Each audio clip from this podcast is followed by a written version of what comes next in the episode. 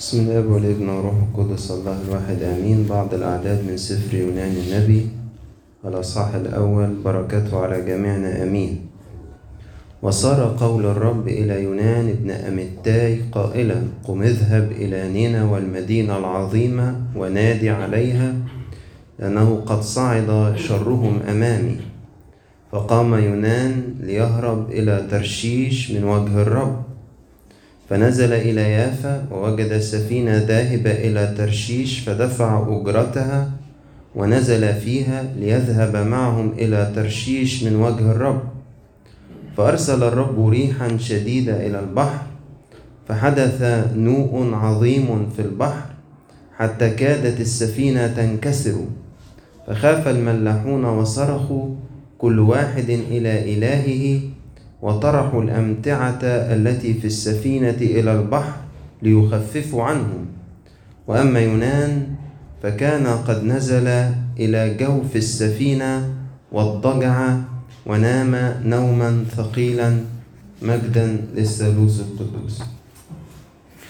بحسب ما إحنا تعودنا إن لازم في كل موسم كنسي نتفاعل معاه بطريقة شخصية. يعني ندخل جوه الموسم الكنسي ونعيشه. ده طبعا من خلال القراءات ومن خلال الطقس بتاع الكنيسة والصلوات الشخصية. فتطبيقا لكده طبعا في عشية صوم يونان إحنا هنمر مرور على السفر الأكثر شهرة والأكثر قراءة في الكتاب بالنسبة للكنيسة القبطية. وعلى فكرة الصوم ده تنفرد بيه الكنيسة القبطية مش موجود في باقي الكنائس. وهو ممهد ومقدم للصوم الكبير. فالأقباط بالذات السفر ده بالنسبة لهم حافظينه تقريبا عن ظهر قلب لكن ده ما كلمة ربنا غنية ولذلك في كل سنة لاقي عظات جديدة عن يونان وتأملات جديدة عن يونان وكتب جديدة عن يونان. وانت شخصيا في صلواتك لو بتصلي بالسفر وآياته هتلاقي معاني جديدة وتكتشف حاجات جديدة. فيمكن من الحاجات الأخيرة اللي ظهرت عن يونان حاجتين عايز أشارككم بيهم. الكتاب بتاع أبونا السرافيم البراموسي. اسمه هوامش على دعوة يونان من أروع ما يكون وكتيب صغير. بس جميل جدا. ممكن نقتنيه أو نلاقيه مرفوع على الإنترنت. كمان في مدرسة راكوتي اتاخد السفر ده اداهولنا وسابونا فيكتور قريب وصدر عن المدرسة الكتاب بتاع يونان النبي نبي الموت والقيامة. برضو في حاجات جميلة. فأنا من الكتابين دول هاخد بعض المقتطفات اللي جت فيهم في الكلمة بتاعة النهاردة. فبالنسبة للجزء الأول اللي إحنا لسه قارينه آه الأصحاح الأول اللي بيحكي لنا عن آه هروب يونان من الدعوة. الهروب من الله بيقود للأسف الهربان إلى الهاوية. لما يجي واحد يهرب من الله؟ هو مش عارف إنه هو بيهرب إلى الهاوية. لأن بتبقاش باينة في الأول. هو بيهرب من حاجة شايفها إن هي صغيرة. ربنا قال لي كذا وأنا مش هقدر أعمل كذا. خلاص. مش باين إن دي ممكن يتبعها سلسلة من الانحدارات تنتهي بالشخص إن هو يقبع في الهاوية. ده حصل حرفيا في قصة يونان. إزاي؟ لما هرب من وجه الرب بدأ مسيرة هبوط خطرة للغاية. مسيرة هبوط خطرة للغاية. ففي الأول نزل إلى جوف السفينة. ومن جوف السفينة بعد شوية هيبقى في جوف إيه؟ الحوت. وهو في جوف الحوت بيقول المزمور بتاعه وبيكتشف إن هو حاليا في جوف الهاوية. فالموضوع بدأ بجوف السفينة فجوف الحوت فجوف الهاوية. الترجمة السبعينية طبعا ترجمة سفر يونان إلى اللغة اليونانية. هو أصلا مكتوب بالعبري. لكن ترجمته لليونانية. فالكلمة اللي استخدمتها للتعبير عن جوف الهاوية اسمها كويلياس. كويلياس دي هياها كررتها في الثلاث آيات. لما جت تقول إنه نزل لجوف السفينة استخدمت الكلمة. ولما قالت إنه في بطن الحوت وابتلعه استخدمت الكلمة. ولما هو صلى وقال إنه في جوف الهاوية دعوتك استخدمت نفس الكلمة.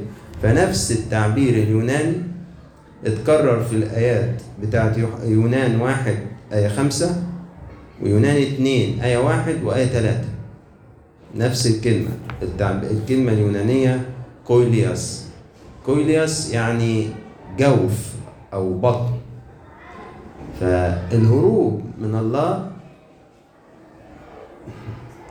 بيقود الإنسان للهاوية ده يمكن من الدروس الأولى اللي ممكن نتعلمها من السفر ده.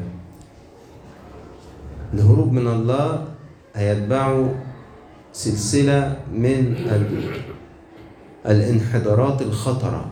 الإنسان بيبقى مش حاسبها ومش مقدرها. بنشوف ده في حياتنا الشخصية وبنشوفه لو حد من الآخرين شاركنا بمأزق هو فيه.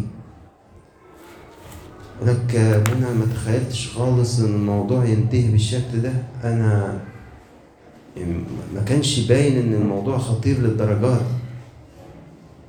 أنا في الأول كنت فاكره موضوع بسيط. أنا كل الأمر بس إن أنا يعني آه هو ربنا قال لي ما تمشيش في السكة دي بس يعني ما حسيتش الموضوع خطير. بس أنا دلوقتي أبونا في ورطة جامدة جدا. أنا مش عارف أعمل إيه. المقطع ده أنا سمعته كتير. سمعته كتير وطبعا أنا نفسي مريت بيه في حياتي. بس من كتر انتشاره اتسمع كتير. يعني أي خادم بيقعد مع ناس أي كاهن أي السلسلة دي من الجمل لا دي اتسمعت كتير. اتسمعت في شات من fake account كده آه يروح باعت friend request لواحد من ولاد الكنيسة أنا حابة أتعرف عليك ومش عارف إيه وبتاع. وصوت ربنا جواه يقول له أنت تعرفهاش دي؟ بلاش. لا حب استطلاع طب أشوف دي مين. وبعدين يبتدي الكلام ياخد ويدي يبتدي إيه يحصل كده تدرج في اقتناس الشيطان للنفس. فجأة الشاب ده ابن كنيسة كويس اللي بيخاف ربنا وكله إنه تورط معاها في شات جنسي فاضح. بعد كده يفاجأ بإنه الاكونت ده بيبعت له بيقول له أنا مش واحدة ولا حاجة أنا فلان الفلاني. ولو ما بعتش قد كده اهو يتحط في حسابي كل الشات اللي بينا هشيره ليك على الفيسبوك ولكل أصحابك ولمراتك ولعيالك وهفضحك. الكلام ده بيحصل. الكلام ده بيحصل. أنا مش بألف قصة. الكلام ده بيحصل. شخص بيلاقي نفسه اتورط ورطة ما كانش باين خالص إن البداية إيه؟ توهب كده. ده حد بعت friend request عادي طب ما اقبله طب ما نحكي شوية والكلام برضو معكوس موجود في قصص بنات برضو. مع ولاد. طب مش عارف طب ابعتي لي صورتك كذا اصل إحنا كنا في الغردقة. طب ابعتي لي صورة كده وانت بلبس البحر. طب مش عارف إيه اعملي لي إيه. لا مش معقول اصله هيعمل حاجة ده ده كويس ده محترم ده مش عارف إيه. فجأة بعد كده بابتزاز بالصور دي وحاجات بتاع. لما بنهرب من صوت الله بنبدأ مسيرة خطرة للغاية. بس آخر الهاوية ما بيبانش أولها أبدا. يعني متهيألي عمر ما كان يونان يتخيل. وهو بيهرب من وجه الرب إن نتيجة هذا إن هيكون في بطن حوت في أعماق البحر. تهيألي دي عمرها ما كانت تيجي في باله على الإطلاق. هكذا دايما الهروب من الله نتائجه النهائية ما تبقاش باينة لعينينا بس كل ما كتب زي ما بيقول القديس بولس كتب لأجل تعلمنا فأنا المفروض من هذه القصة من هذا الحدث أتعلم درس. إني أخد بالي من صوت الله وأطيعه ما أهربش منه. لأنه لمصلحتي لأنه لخلاصي وخلاص الآخرين اللي حواليا. قديس يوحنا الزبيب فهم طبعا كالعادة ليه تعليقاته الجميلة. فبيقول كده لقد طرحوا الأمتعة التي في السفينة إلى البحر ليخففوا عنه إلا أن حمولة السفينة لم تخف. يعني قاعدين يرموا شنط وهدوم ومش عارف وحاجات أساس على أمل يعني إيه؟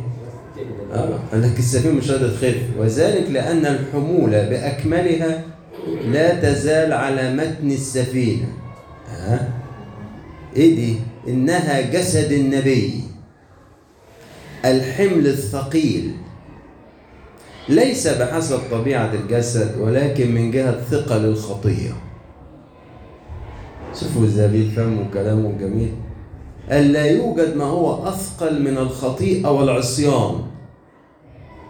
هي دي كانت أتقل حاجة على السفينة. هي دي اللي متقلة الحمل بتاع السفينة ومخليها هتغرق.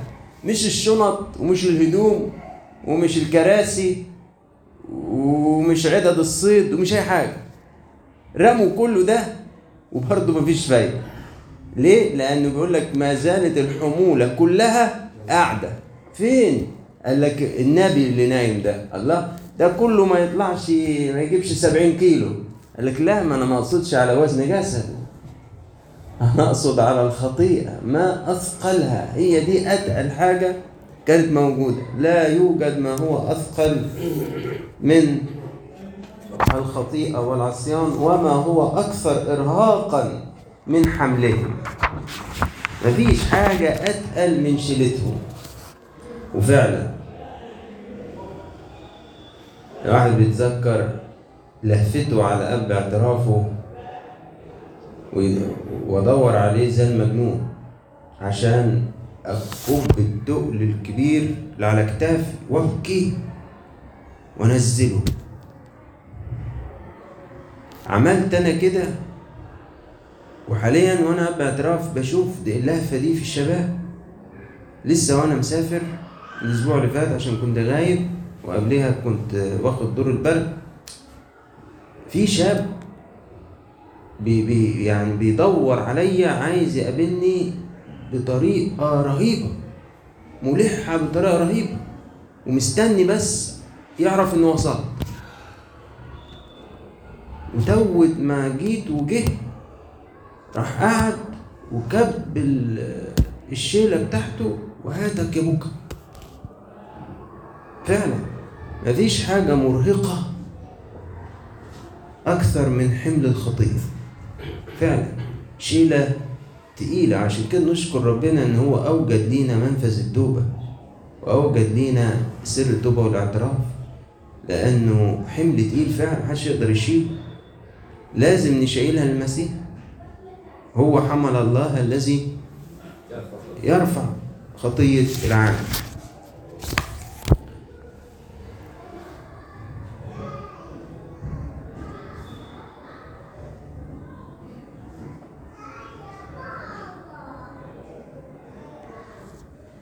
سفر يونان. حمل ثقيل قاسي على كل المتزمتين دينيا والذين يرفضون الاعتراف بمحبة الرب لجميع الناس وعملوا لأجلهم. كان على يونان أن يتمسك بناموس موسى لنفسه ولشعبه فهذه وديعة إيمان. هو مستلم الناموس. حافظ عليه أيوة يا سيدي بس الناموس ده ليك أنت مش لنينوى الناموس ده إيه؟ ليك أنت مش لنينوى حافظ عليه تمسك بيه ده وديعة إيمانك. لكن ليس عليه أن يملي على الله كيف يتعامل مع الشعوب الأخرى. هو ليه يونان ما راحش؟ هو مستكتر جدا أن يوصم تاريخه إنه النبي الذي كرز لأمم. ده راجل نبي يهودي. ابعت لي رسالة لإسرائيل أروح. هو كان في عهد يربعام الثاني ملك المملكة الشمالية. ابعتني زي ما بعت إيليا وبعت إليشع. ابعتني أنا كمان الناس دي. ابعتني ليهوذا لكن أروح لأمم كلاب نجسين وأمة عدوة بيننا وبينها يعني مناكشات كل شوية وحروب وبتاع. فما ما قابلهاش شايف إنه يعني زي ما يكون بيخاطر بسمعته. بيخاطر بسمعته. ليه أنا اللي يطلب مني طلب غريب زي ما الأنبياء كلهم كان بيتقال لهم روح كلم شعبك روح كلم شعبك روح كلم. حبكت أنا يعني اللي أروح أكلم نينوى. فالكتاب هنا بيقول لنا إيه؟ كان على يونان أن يتمسك بناموس موسى لنفسه ولشعبه فهذه وديعة إيمان. لكن ليس عليه أن يملي على الله. كيف يتعامل مع الشعوب الأخرى أو مع من يتعامل من الشعوب الأخرى؟ مش شغلانتك دي. ما تحطش انت حواجز لربنا في تمسكك بعقيدتك وإيمانك تتعامل يا رب تتعامل مع دول ولا ما تتعاملش. تسمع لدول ولا ما تسمعش. تغفر لدول ولا ما تغفرش. ترحم دول ولا ما ترحمش. دي مش شغلانتي. أنا كده بتجاوز مقاسي خالص. ده, ده يعني فعشان كده سفر يونان لو تعمقناه هيصطدم مع تزمتنا الديني لو أنا من النوع اللي هو لا ما مش معقول ربنا يتعامل مع فلان لا ما مش معقول يسمع لفلان. أكيد القصة دي كذب. يجي واحد يقول لك مثلا على حاجة حصلت في كنيسة تاني ولا حصلت مع واحد مش مسيحي أصلا. لا لا لا أكيد كذب. ما يحصلش لا. مش معقوله ربنا ليه ربنا هيسمعه مش عارف إيه. لا لا لا لا. طب إحنا مش عرفنا آه إحنا مطالبين نمتحن كل روح مش كل روح نصدقه بس اوعى في تمسكك بإيمانك وده شيء صح ومطلوب. تمسكك بعقيدتك وده شيء صح ومطلوب. تضع حدود لله يشتغل مع مين؟ وما يشتغلش مع مين؟ يشتغل إزاي؟ وما يشتغلش إزاي. على يونان أن يكون بوق الرب لمن يريده الرب. النبي شغلانته كده؟ بوق الرب الرب هينفخ فيه كلماته وإعلاناته لمن يريد. فيونان مطلوب منه أن يكون بوق الرب لمن يريد. إن أراد أن يظل رجل الله المحب الأمين. ده هو عايز يفضل رجل الله المحب الأمين. أبونا السرافيم البراموسي بيقول هي قصة قاسية على بناة الهويات المغلقة الرافضة للآخر. لم تكن دعوة يهوى ليونان أن يذهب لنينوى ليدعوهم للانضمام العضوي لجماعة بني إسرائيل من خلال ممارسة الختان وقبول العهد الإبراهيمي. تاني لو كانت كده ممكن كان يتبسط ويروح. هيضموا ناس للجماعة بتاعته. لكن كانت الدعوة تنحصر فقط في التوبة من أجل القبول. ما قالوش روحوا لهم. يختتنوا وينضموا لشعب قال له تروح تقول لهم يتوبوا بس هذا درس لنا لندرك حجم وعينا الحقيقي أمام سعة تعامل الله مع الجميع.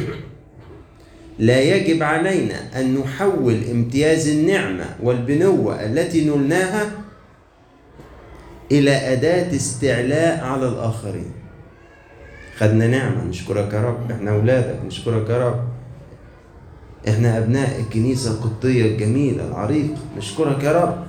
لكن أوعى نستخدم ده للاستعلاء على الآخرين. هناك إله يرى القلوب ويفحصها.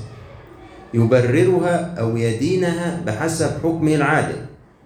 دورنا فقط أن نقوم ونذهب برسالته هو للجماعة التي يختارها هو لتتحقق مشيئته هو. تاني الحتة دي.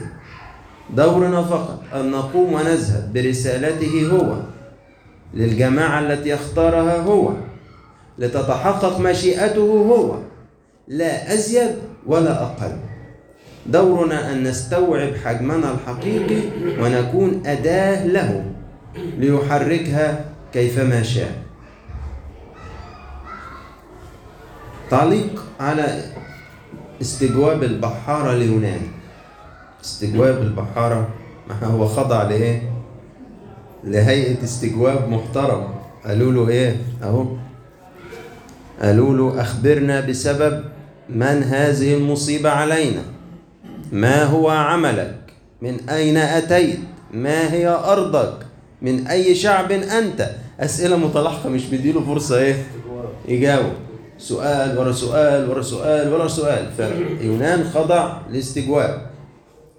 هؤلاء البحارة الوثنيون في غالب الأمر كانوا كنعانيون. أظهروا نبلا عظيما.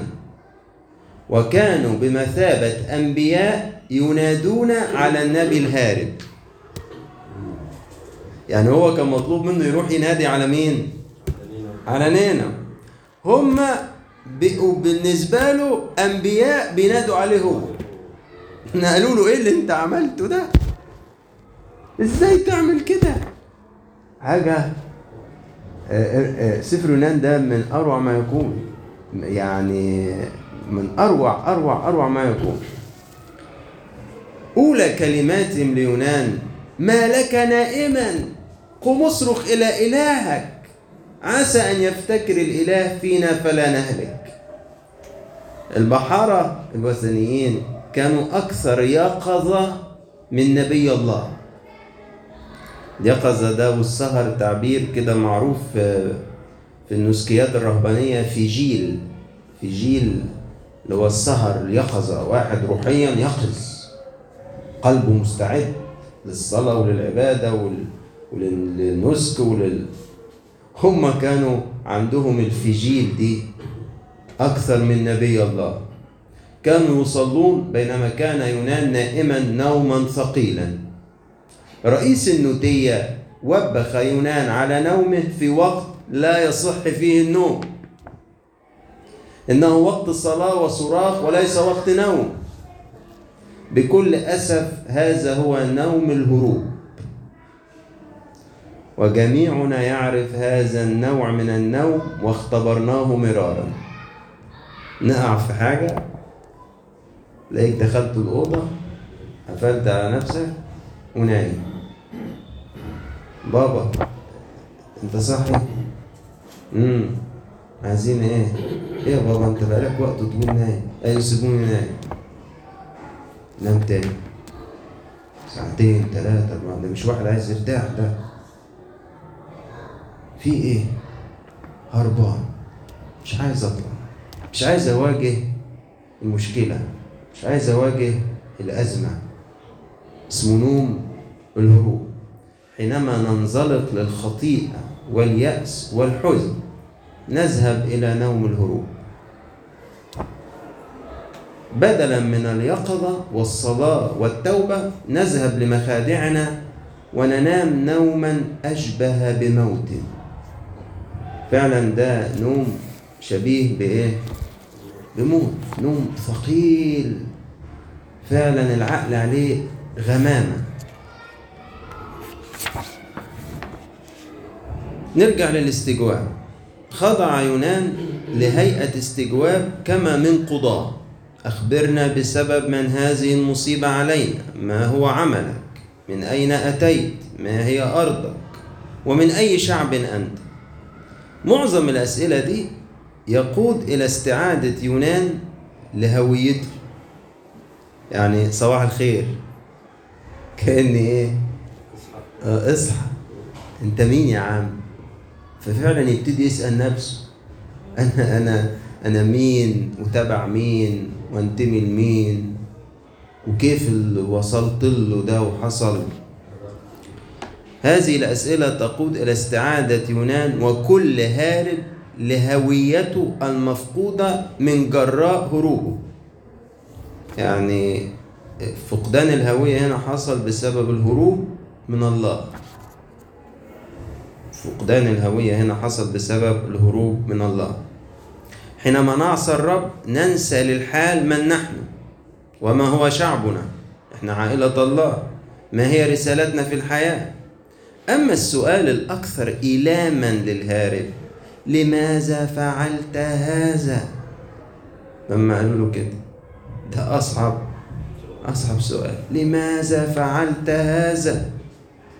يقول الكتاب فإن الرجال عرفوا أنه هارب من وجه الرب لأنه أخبرهم ليه تهرب من الله؟ أصعب سؤال ده.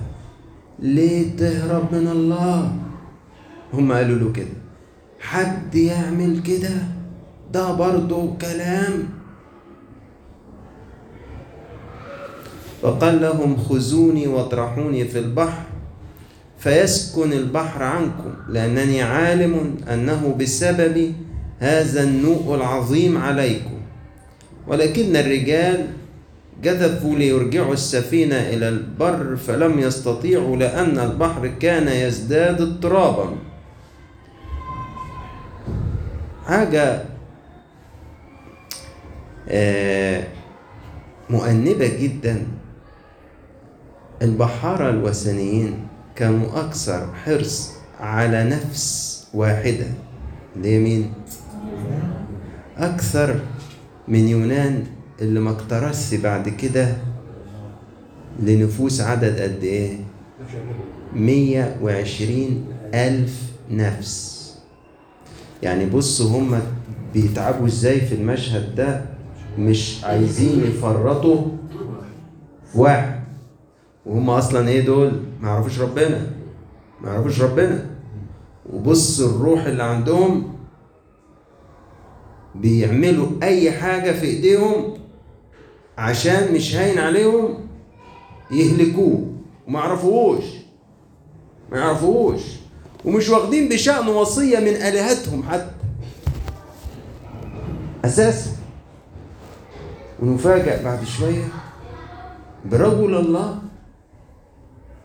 ما كانش في ال level ده. كان أصغر من كده بكتير.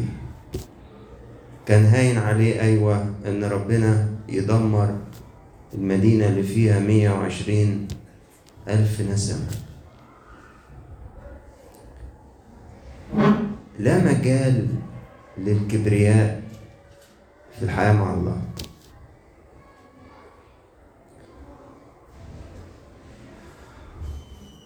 لو ما عنديش في قلبي إني ألقط وأتعلم من غير المسيحي أبقى في عندي حاجة مش صح. لأن الله هيعلمني بيهم في وقت من الأوقات. في وقت من الأوقات هيعلمني باللي مش مسيحي أصلا. وفي وقت من الأوقات هيعلمني بالمسيحي اللي بالاسم اللي لا عمره دخل كنيسة وطول النهار يشرب سجاير ومش عارف عامل إيه وإيه وإيه. وهيجي في مرة يعمل تصرف جدع ما بعملوش أنا. وأتوبخ. وأنا حصل أنا حصلت معايا كتير دي بقى. دي حصلت معايا كتير دي. إني اخد دروس من ناس إحنا في تقييمنا عايزين ربنا يهديهم. مش بقول كده إن هم مش محتاجين إن ربنا يهديهم. لا هم محتاجين إن ربنا يهديهم أيوه بس أنا مش أحسن منهم. ده هم فيهم نقط حلوة وفيهم نور. بيبان في أوقات وبيبان إنه أنا أصغر من المقاس ده. لما اعتدى الهوجاء غوغاء على الكنيسة في 14 أغسطس 2014 وحرقوا الكنيسة وكده. كان مفي- مفيش أمن خالص ومفيش أي حاجة. كانت الدنيا يعني خربانة. فالمهم كان في شباب عايز يدافع عن الكنيسة وبتاع وأنا كنت متابع معاهم بالتليفون قلت اوعوا حد كله الكنيسة الحجارة تتعور أهم حاجة حياة الولاد محدش يدخل خالص.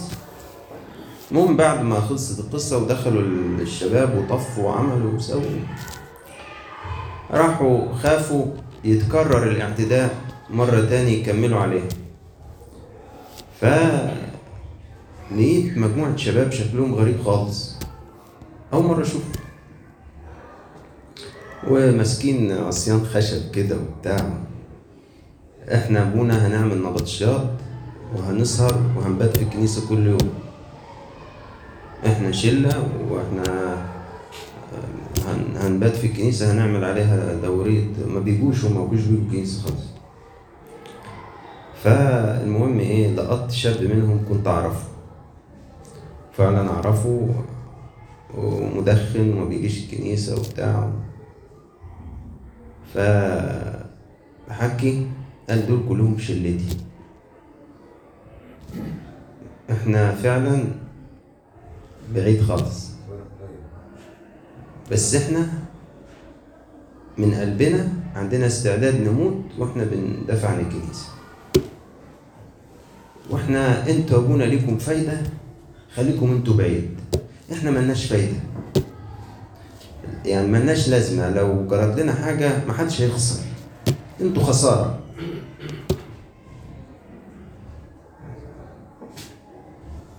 وعملوا نبطشيات وقعدوا يجي أسبوعين. صبح ظهر ليل مقسمين نفسهم. وقاعدين بعصيان خشب ومش عارف إيه. مشيت كده مخي يودي ويجيب إيه اللي بيعملوه الشباب دول؟ مش دول اللي بنقول عليهم الصيع الوحشين اللي مش عارف الفاسدانين التلفين طب أنت بذمتك عندك الجرأة والجسارة تعمل اللي هما بيعملوه؟ لا. جابوا ال- الحمية دي منين والغيرة على بيت ربنا منين؟ سوري يعني هم ما ما شافوش خير الكنيسة. أنا اللي مستمتع بالكنيسة الصبح ظهر ليل. أنا اللي بصلي فيها القداسات والتسابيح والخدمات. يعني إنجاز التعبير مين اللي واكل خير من الكنيسة؟ أنا؟ هم ما بيجوش. الكنيسة المفروض دي لا تعز عليهم ولا داقوا حاجة يعني من خيرها يعني. لسه. فالمفروض جابوا منين الحمية دي والغيرة دي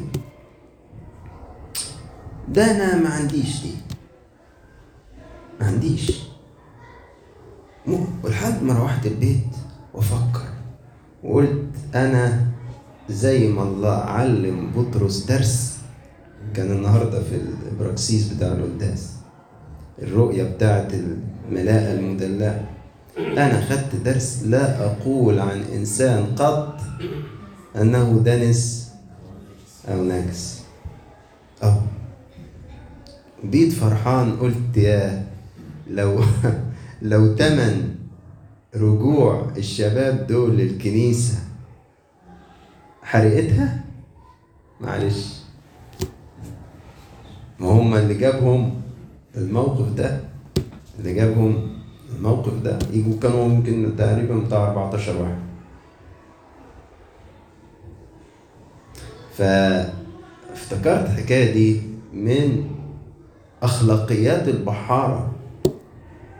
بصوا الموتيف بتاعهم إن هم ينقذوا يونان. مستحرمين إنه يموت وإنه يهلك.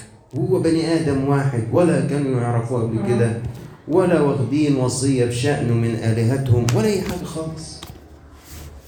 جبتوا دي منين؟ جبتوا دي منين؟ آه. إن أبناء هذا الجيل قال إيه المسيح عنهم أحكم من بني النور في جيلهم. يعني وارد يجي يجي مواقف زي كده آه. يجي مواقف زي كده. أتعلم من أخويا المسلم وأتعلم من أخويا المسيحي اللي أنا فاكر إن هو بعيد خالص ورايح أفتقده عشان آه، أجيبه الكنيسة.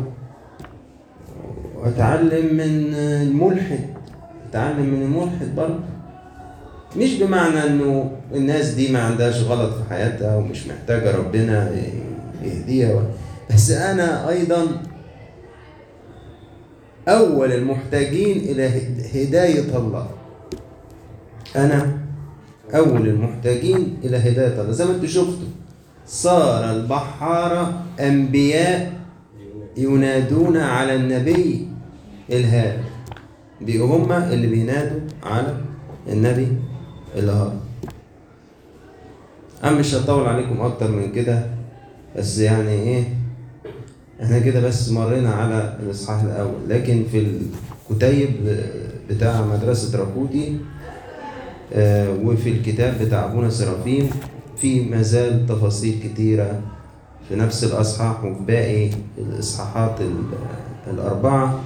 هيبقى حاجة لطيفة إنه يكونوا الكتيبين دول بيرافقونا في الأيام الثلاثة بتاعة آه، يونان وإن الحاجات دي نتعمقها ونصلي بيها آه، عشان تتحفر جوه.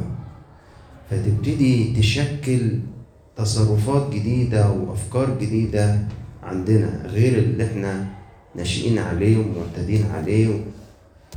ونظرتنا في الأمور اللي في أوقات بتبقى سطحية أو ضيقة آه وهو ده المفروض إن إحنا من نتجدد كل شوية نتغير إلى تلك الصورة عينها الحاجات برضو اللي يمكن دراسية بس ليها ريفليكشن مهم آه، هتلاقوها في الكتاب بتاع يونان بتاع راكوتي آه، على قراءات اليوم الثاني اللي هو إصحاح اتنين. الصلاة اللي صلاها يونان في بطن الحوت. موجود في الكتاب بالتسجيل يعني. كل كلمة صلاها جاية من أنهو مزمور من المزامير. فنكتشف إن صلاة يونان في بطن الحوت صلاة متأثرة جدا بمزامير داوود وأصاف وبني قورح اللي هما كانوا سابقين عليه. مما يعكس إن يونان كان دائم الصلاة بهذه المزامير واستخدامها في عبادته الشخصية وطلع منها هو صلاة شخصية. فده يعلمنا إحنا ما نهملش الإجبار. زي ما هو ما كانش بيهمل مزاميره.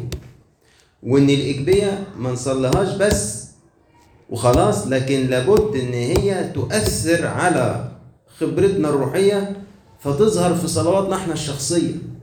تبتدي المزمور بتاع داود يبقى مزموري أنا الشخصي زي ما حصل مع يونان. عبارات مزامير داود وأصاف وبني قرح صارت هي صلوات شخصية ليونان. وده متسجل على فكرة في قراءات اليوم الثاني في الكتاب بتاع راكوتي آية آية. مكتوبة الآية وموجودة في مزمور كام بشكل يعني زي عارفين تسبيحة أمنا العذراء متأثرة جدا بتسبيحة مين؟ حنا أم صمويل دي رسالة بتفهمنا ما تهملش صلوات السواعي قانون الصلاة بتاع الكنيسة ما تهملوش.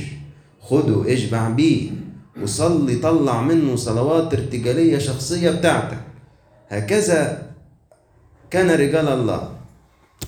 قديما وحديثا دي برضو من النقط اللي كانت ملفتة للنظر في الدراسة.